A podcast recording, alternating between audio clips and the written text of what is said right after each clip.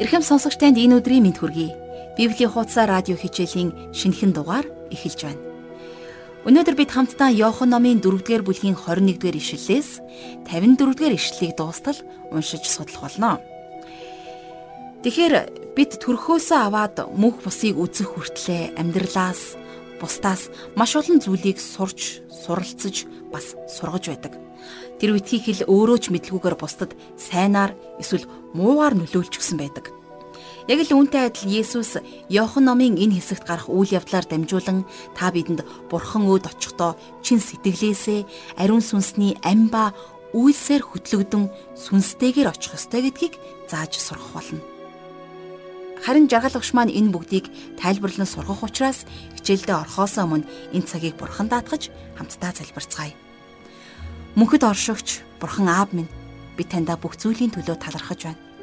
Тантай улам ойртож, таны ариун сүнсний ам ба үйлдэлээр хөтлөгдсөн тэрл сүнсний замаар, тэрл үнний замаар тантай хамт алхахад та бидэнтэй хамт байгаарай.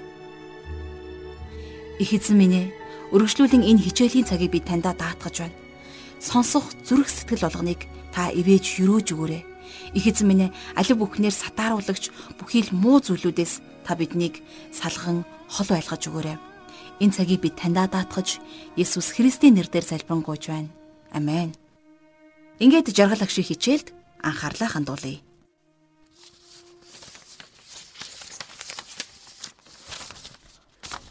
За бид өнөөдөр хамтдаа Иохан номын 4-р бүлгийн 21-с 54-р ишлэлийг дуустал судлах гэж байна. Тэгэхээр бидний эзэн Есүс хувь хүний гмийн асуудлаас ердөөсөө ч зайлсхийгээгүй. Хэрвээ танд чин сэтгэлийн асуулт, эргэлзээнүүд үнэхээр байгаа бол эзэн танд шийдлүүдийг харуулж өгөх болно. За харин одоо үргэлжлэх үйл явдал гарч байгаа самар эмэгтэйн гаргаж ирсэн асуулт эргэлзээг бидний эзэн ингэж шийдвэрлэж байна. За 21-с 22 дугаар ишлэлийг харцгаая. Есүс эмэгтэй надад итэг. Та нар энэ уулан дээрч биш, Иерусалимд ч биш, эцэгтэл мөргөх цаг ирж байна. Та нар мэдхгүй юмд мөргөдөг бол бид мэддэг юмдаа мөргөдөг. Тиймээс ч аврал евдэчүүдээс гарнаа. Тэр эмэгтэйд уулан дээр мөргөх ёстой юу эсвэл Иерусалимд мөргөх ёстой юу гэдг нь чухал байсан. Харин Есүс тэрэнд айлч газар мөргөхгүй тийм өдөр ирж байна гэдгийг хэлсэн. Яагаад вэ? За яагаад гэвэл 23-аас 24 дугаар эшлэлдэр харин үнэн мөргөгчт нь сүнсээрээ Үннээр эцэгт минь мөргөх цаг ирж байгаа бөгөөд одоо ирчгээд байна. Учир нь эцэг өөрт нь ийхүү мөргөгчдийг ирж хайж байна. Бурхан бол сүнс. Түүнд мөргөгчт нь сүнсээр үннээр мөргөх ёстой гэж альдлаа. За бидний эзэн тэр эмэгтэйд маш зөв оновчтой хариултыг өгсөн. За тийм болохоор та бурханд хандан хаана мөргөх нь ердөөсөө ч хамаагүй. Яагад үг гэхээр бурхан бол сүнс шүү дээ. Та энэ газар тэр газар руу гүйх хэрэг байхгүй. Харин жинхэнэ мөргөгчд бол түүнд сүнсээр болон үннээр мөрөгдөг юм. Энийг тэр үеийн самарчууд хүртэл мэддэг байсан. За тиймээс 4-р бүлгийн 25 дугаар эшлэлдэр тэр эмэгтэй Есүст Христ гэгч Месиа эрхийг би мэднэ. Тэр нэгэн эрэхтэй бүх зүйлсийг бидэнд мэдүүлж өгнө гэв. Тэгэхээр самарчууд хүртэл эндээс харах юм бол Месиа буюу аврагч эрхийг хүлээж байсан байна. Сонирхолтой байгааз өнөөдөр Христийн хоёр дахь ирэлтэнд түүний хүмүүс л итгэдэг. Үнэхээр түүнийх биш тэдгэр хүмүүс хэдийгээр сүмийн гişүч гэсэн түүнийг ирнэ гэх шаналгаатай мэдрэмжтэй байсан. Харин түүнийх биш тэдгэр хүмүүс түүний хоёр дахь ирэлтэнд итгэдэггүй гэж хэлдэгч энэ нь тэднийг өмрүүлж самгаалдуулдаг. Самар эмэгтэй ч гэсэн бас түүний ирэлтийг үнэн эсхийг үнэхээр их сонирхож байна. Энэ эмэгтэй зүрхэнд тэрл санааширсан хүсэл нь байсан. За 4-р бүлгийн 25-аас 26 дугаар эшлэлдэр Тэр эмэгтэй Есүст Христ гэгч Месиа эрхийг би мэднэ. Тэр нэгэн эрэхтэй бүх зүйлсийг бидэнд мэдүүлж өгнө гэв. Есүс түнд чамтай ярьж байгаа би бол тэр мөн гэж айлдваа гэсэн байна. За энэ бол үнэхээр сүрлэг сүр жавхлантай мэдэгдэл. Энэ эмэгтэй одоо ертөнцийн аврагч Месиатай нүүр нүрээрээ тулгаран уулзаж байна. Энэ бол өнөөдөр миний танд тавих асуулт. Та хинч байсан, хаанч байсан? яаж ч байсан энэ эмэгтэй шиг эзэн Есүс Христтэй нүүр нүрээрээ учирч байсан уу? Тэр өөрийгөө түүний оршихуйд байгааг харсан. Чамтай ярьж байгаа бол тэр мөн гэж Есүс хэлсэн байна. Цааш нь 27-оос 29 хүртэл дээр тэр үед шавнар нэрээд түүнийг нэгэн эмэгтэйтэй ярилцаж байгаад гайхсан боловч хинэнч та юу хайна вэ? Эсвэл та түүнтэй юунд ярилцсан вэ хэмээн асуусангүй. Тэгтэл өнөөх эмэгтэй усныхаа савыг орхин хот руу явж хүмүүст миний үйлдэлсэн бүхнийг надад хэлсэн хүнийг ирж үзэгтэн. Тэр Христ биш үү гэсэнд. За энэ төр зогсъё. Тэгэхээр Самар эмэгтэй энэ үг энэ үйлдэл эзэн Есүс Христэд итгэх итгэл рүү эргэснийг та харлаа. Тэр одоо бусдад хэлэхээр хот руугаа яаран гүйсэн. Тэр эмэгтэйчүүдтэй ярьдггүй харьцдаггүй байсныг та бид мэднэ. Тиймээс түүнтэй холбогдож байсан ирчүүдийн зарим нь Есүсийг мэдхийг сонирхсан. За цааш нь харъя 30 дугаар эшлэлдэр хүмүүс хотоос гарч Есүс рүү очиж байв. Хүмүүс яагаад Есүс рүү очисон бэ гэвэл тэр эмэгтэй гэрчлэлээс болсон. За бидний хувьд энийг харах нь маш их чухал шүү. Тэр бусдад гэрчилсэн нь түүний итгэлийн нотлохоо болсон юм. За 4-р бүлгийн 31-ээс 34-р ишлэл. Энэ үед шавнар нь Есүсээс "Раби, зооглооч" гэлээ. Харин тэр тэдэнд "Та нарын мэдэхгүй идэх хоол надад бий" гэв. Шавнар нь түүнд хинч идэх юм авчирч өгөөгүй үсттэй хэмээн өөр хоорондоо ярилцав. Есүс тэдэнд "Миний хоол бол намайг илгээсэн түүний хүслийг үлдэн ажлыг нь гүйцэлдүүлэх явдал мөн" гэж хэлсэн байна. Есүсийн Самариар дайрч явсан шалтгаан бол энэ эмэгтэйд хүрэх эцгийн хүслийг хийхийн тулд байсан. Бурхны хоол юу байсныг одоо үргэлжлэх үйл явдлаас та мэдэх болно. 35-аас 38 дугаар эшлэлдэр Есүс та нар ургац хураалт болтол 4 сар байна гэж хэлдэг биш үү? Үзэгтэн би та нарт хэлье. Хараагаа дээшлүүлж талбайг харахтун Учир нь талбай цайрч хураалтанд бэлэн болжээ. Хураагч хөлсөө хүртэж мөн хамийн үрийг цуглуулж байна. Тийнхүү тариачин тариа хураагчийн хамт баярлах болно. Учир нь нэг нь тарьж нөгөө нь хураана гэсэн үг үнэн болох нь энд харагдаж байна. Та нарын хөдөлмөрлөөгүй юмыг хураалгахын тулд би та нарыг илгээв. Өөр хүмүүс хөдөлмөрлсөн бөгөөд та нар тэдний хөдөлмөрт оролцсон болно гэж айлдваа. За тэгэхээр тэр нутагт ургац 4-р сард болдог байсан. За харин энэ бүхэн болж байгаа яг тэр цаг мөч 12 дугаар сар байсныг та санаарай. Тэгэхээр өнөөгийн та бидний амьдарч байгаа нийгэмд бидний бизнес бол тарих юм. За би радиогоор дамжуулан бурхны үгийг тарихыг оролдож байна. Сайн сүм чуулганууд миний тарьсныг хураана гэж найддаг. Нэг номлогч надад радиогоор хүргэсэн сайн мэдээг сонсоод ирсэн 100 гаруй гişүүдтэй гэж ярьж байсан. Хүмүүс Бурхны үгийг сонсож хаашаа явхаа мэдхийг хүсдэг. Тэд нар Бурхны үгийг заадаг сүм чуулган руу нэгдэн ирэх болно. Тэгэхээр Есүсийн хэлсэн нэгэн тарьж нөгөө нь хураадгаа гэсэн үг ингэж биелдэг байна. За би ч гэсэн бас ийм зүйл болж байгаад баяртай байна. 39 дугаар эшлэгийг харъя.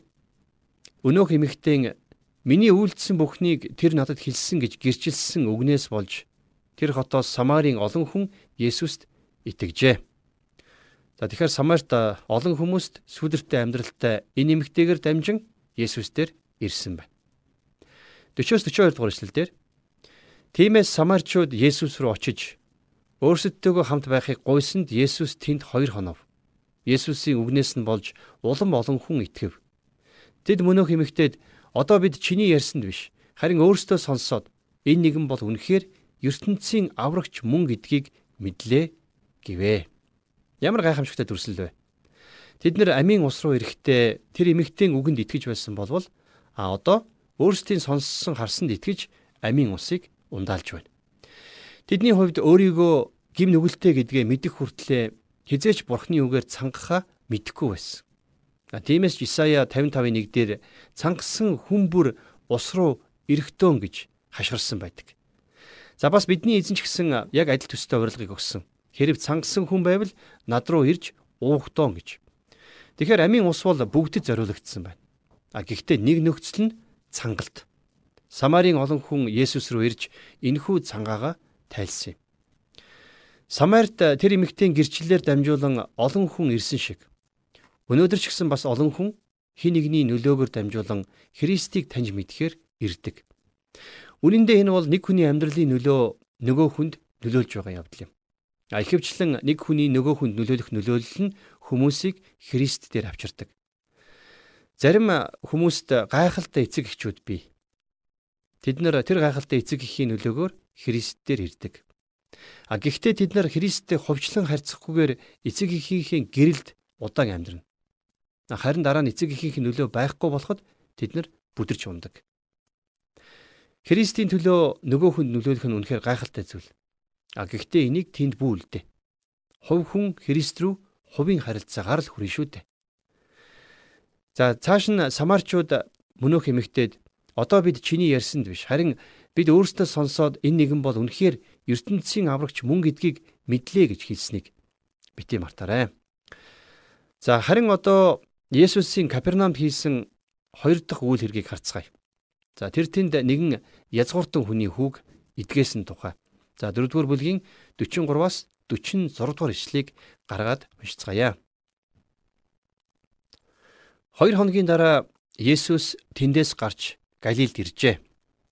Учир нь иш үзүүлэгч нутагтаа хүндлэгддэггүйг Есүс өөрөө гэрчлэн харуулсан юм. Есүсийг Галилд ирэхэд Галилийнхан Иерусалимд баяр дээр түүний үйлдэлсэн бүхнийг харсан тул түүнийг хүлээн авлаа. Учир нь тэд бас баярт очив юм. Есүс усыг дар сулгаж байсан Галилийн Кана хотод дахин очив. Хааны нэгэн төшмөл тэнд байсан бөгөөд түүний хүүнд Капернаумд өвчтэй байлаа. За тэгэхээр сайн мэдээг бичигч Йохан энд дахиад л газар зүүн байршлыг маш сайн дүрсэлсэн байгааг анзаараарай. Тэгэхээр Есүс Самараас яваад Галил руу ирсэн байна.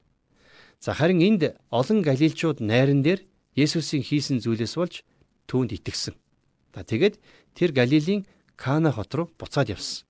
Учир нь тэнд нэгэн язгууртны хүү өвчтэй байсан юм. За 47 дугаар ишлэл дээр Түшмэл Есүсийг Евдэгээс Галилд ирснийг сонсоод түүн рүү очиж Ирж миний хүүг идгээгээч гэж гуйв. Учир нь хүүн үхлийн ирмэг дээр байлаа. За энд э, хүүгийнхээ төлөө итгэлээ өгч байгаа нэгэн эцэг Есүст хандан гуйж байна. За энэ нь бидний саяхан хэлсэн та сайн эцэг эхийн гэрэлд ор биш харин өөрийнхөө хувийн харилцаагаараа бурханд хандахыг дүрсэлж байгаа юм.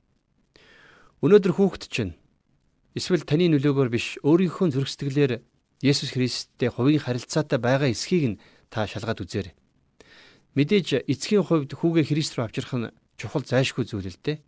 Бидэнд хайртай хүмүүсээ Христ рүү авчрах эрх байгаа гэж бид боддог. Бид нар бусдын амьдрал нөлөө үзүүлэх ёстой. Та хайртай хүмүүстэй гэрчлэл байх ёстой гэж би бат итгэлтэйгээр хэлмээр байна. Өөрийнхөө амьдралд Христэд итгэдэг амьд итгэлтэй гэдгээ бусдад илчлэхээс айж имэж ичих хэрэггүй шүү зоригтойгоор илчлэх ёстой. За цааш нь 48-аас 50 дугаар эшлэлдэр Есүс хүмүүс та нар хэрв тэмдэг гайхамшгуудыг үзэхгүй бол ёр итгэхгүй гэж айлдлаа. Хааны түшмэл түүнд эзэн хүүхдийг минь үхэхээс өмнө ирээч гэлээ.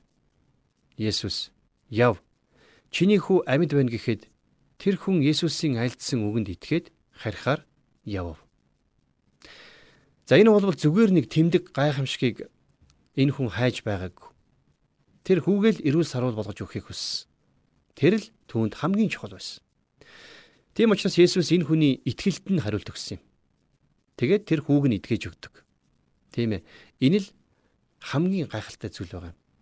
А гэхдээ тэр хүү Христийн оршихур авчраагүй нь сайн зүйл бишээ гэж би боддог. Уг нь Есүсийн оршихур аваачих нь чухал байсан. Хэдийгээр самар эмэгтэй муу эмэгтэй байсан ч гэсэн хүмүүсийг эзэн Есүстэй нүүр нүрээр нь уулзуулахаар авчирсан шүү дээ. Тэгэхээр яг энэ шиг тааж гисэн бас номлогчийн хүрч чадахгүй хин нэгэнд нөлөөлж чадна. Үнэн дээр өөр хинч тэр хүнд тань шиг хүрч нөлөөгөө үзүүлж чадахгүй. Танд тэр хувь хүнд нөлөөлөх нөлөөлөл байгаа гэдэгт та итгээрэй. Харин та тэр хүнийг Христтэй нүүр нүрээрээ уулзахаар авчрахаа битгий мартаарай. За одоо төшмөл ихтгэлтэйгээр харих замд ямар гайхамшигтай мэдээ ирснийг цааш нь уншийе. За 51-ээс 52 дугаар эшлэлдэр Тинхүү тэрээр буцаж явтал боолууд нь түүнтэй учирч хүүн амьд байгааг дуулгалаа. Түшмэл хүүгээ аль цагт сайжирч эхэлснийг тэднээс асуусанд өчигдөр 7 дугаар цагт түүний халуун буусан гэв. За Йохан энд яг ямар цаг ашигласныг мэдхэд хийцв. За хэрвээ Ромын цагийн дагуу байсан бол энэ нь оройны 7 цаг орчим байсан байна. За тэгээ цааш нь 53-аас 54 дугаар эшлэлдэр тэгээд эцэг нь чиний хүү амьд байна гэж Есүсийн айлдсан цаг яг мөн болохыг мэдээд тэр өөрөө болон бүх гэр бүл нь итгэжээ. Есүс Юудэгээс Галилд ирээд дахин хийсэн хоёр дахь тэмдэг нь энэ байлаа гэсэн байна. За Иохан номын 4-р бүлэг Бурхны хийж өгсөн гайхамшигаар инхүү өндөрлөж байна. За энэ эцэг бүх гэр бүлээ Христээр авчирсан. Тэдний гэр бүлийн гишүүн тус бүр хувьчлан итгэсэн. А гэхдээ энэ хүн тэд нарыг өөрийнхөө нөлөөгөөр л Христ рүү авчирсан юм.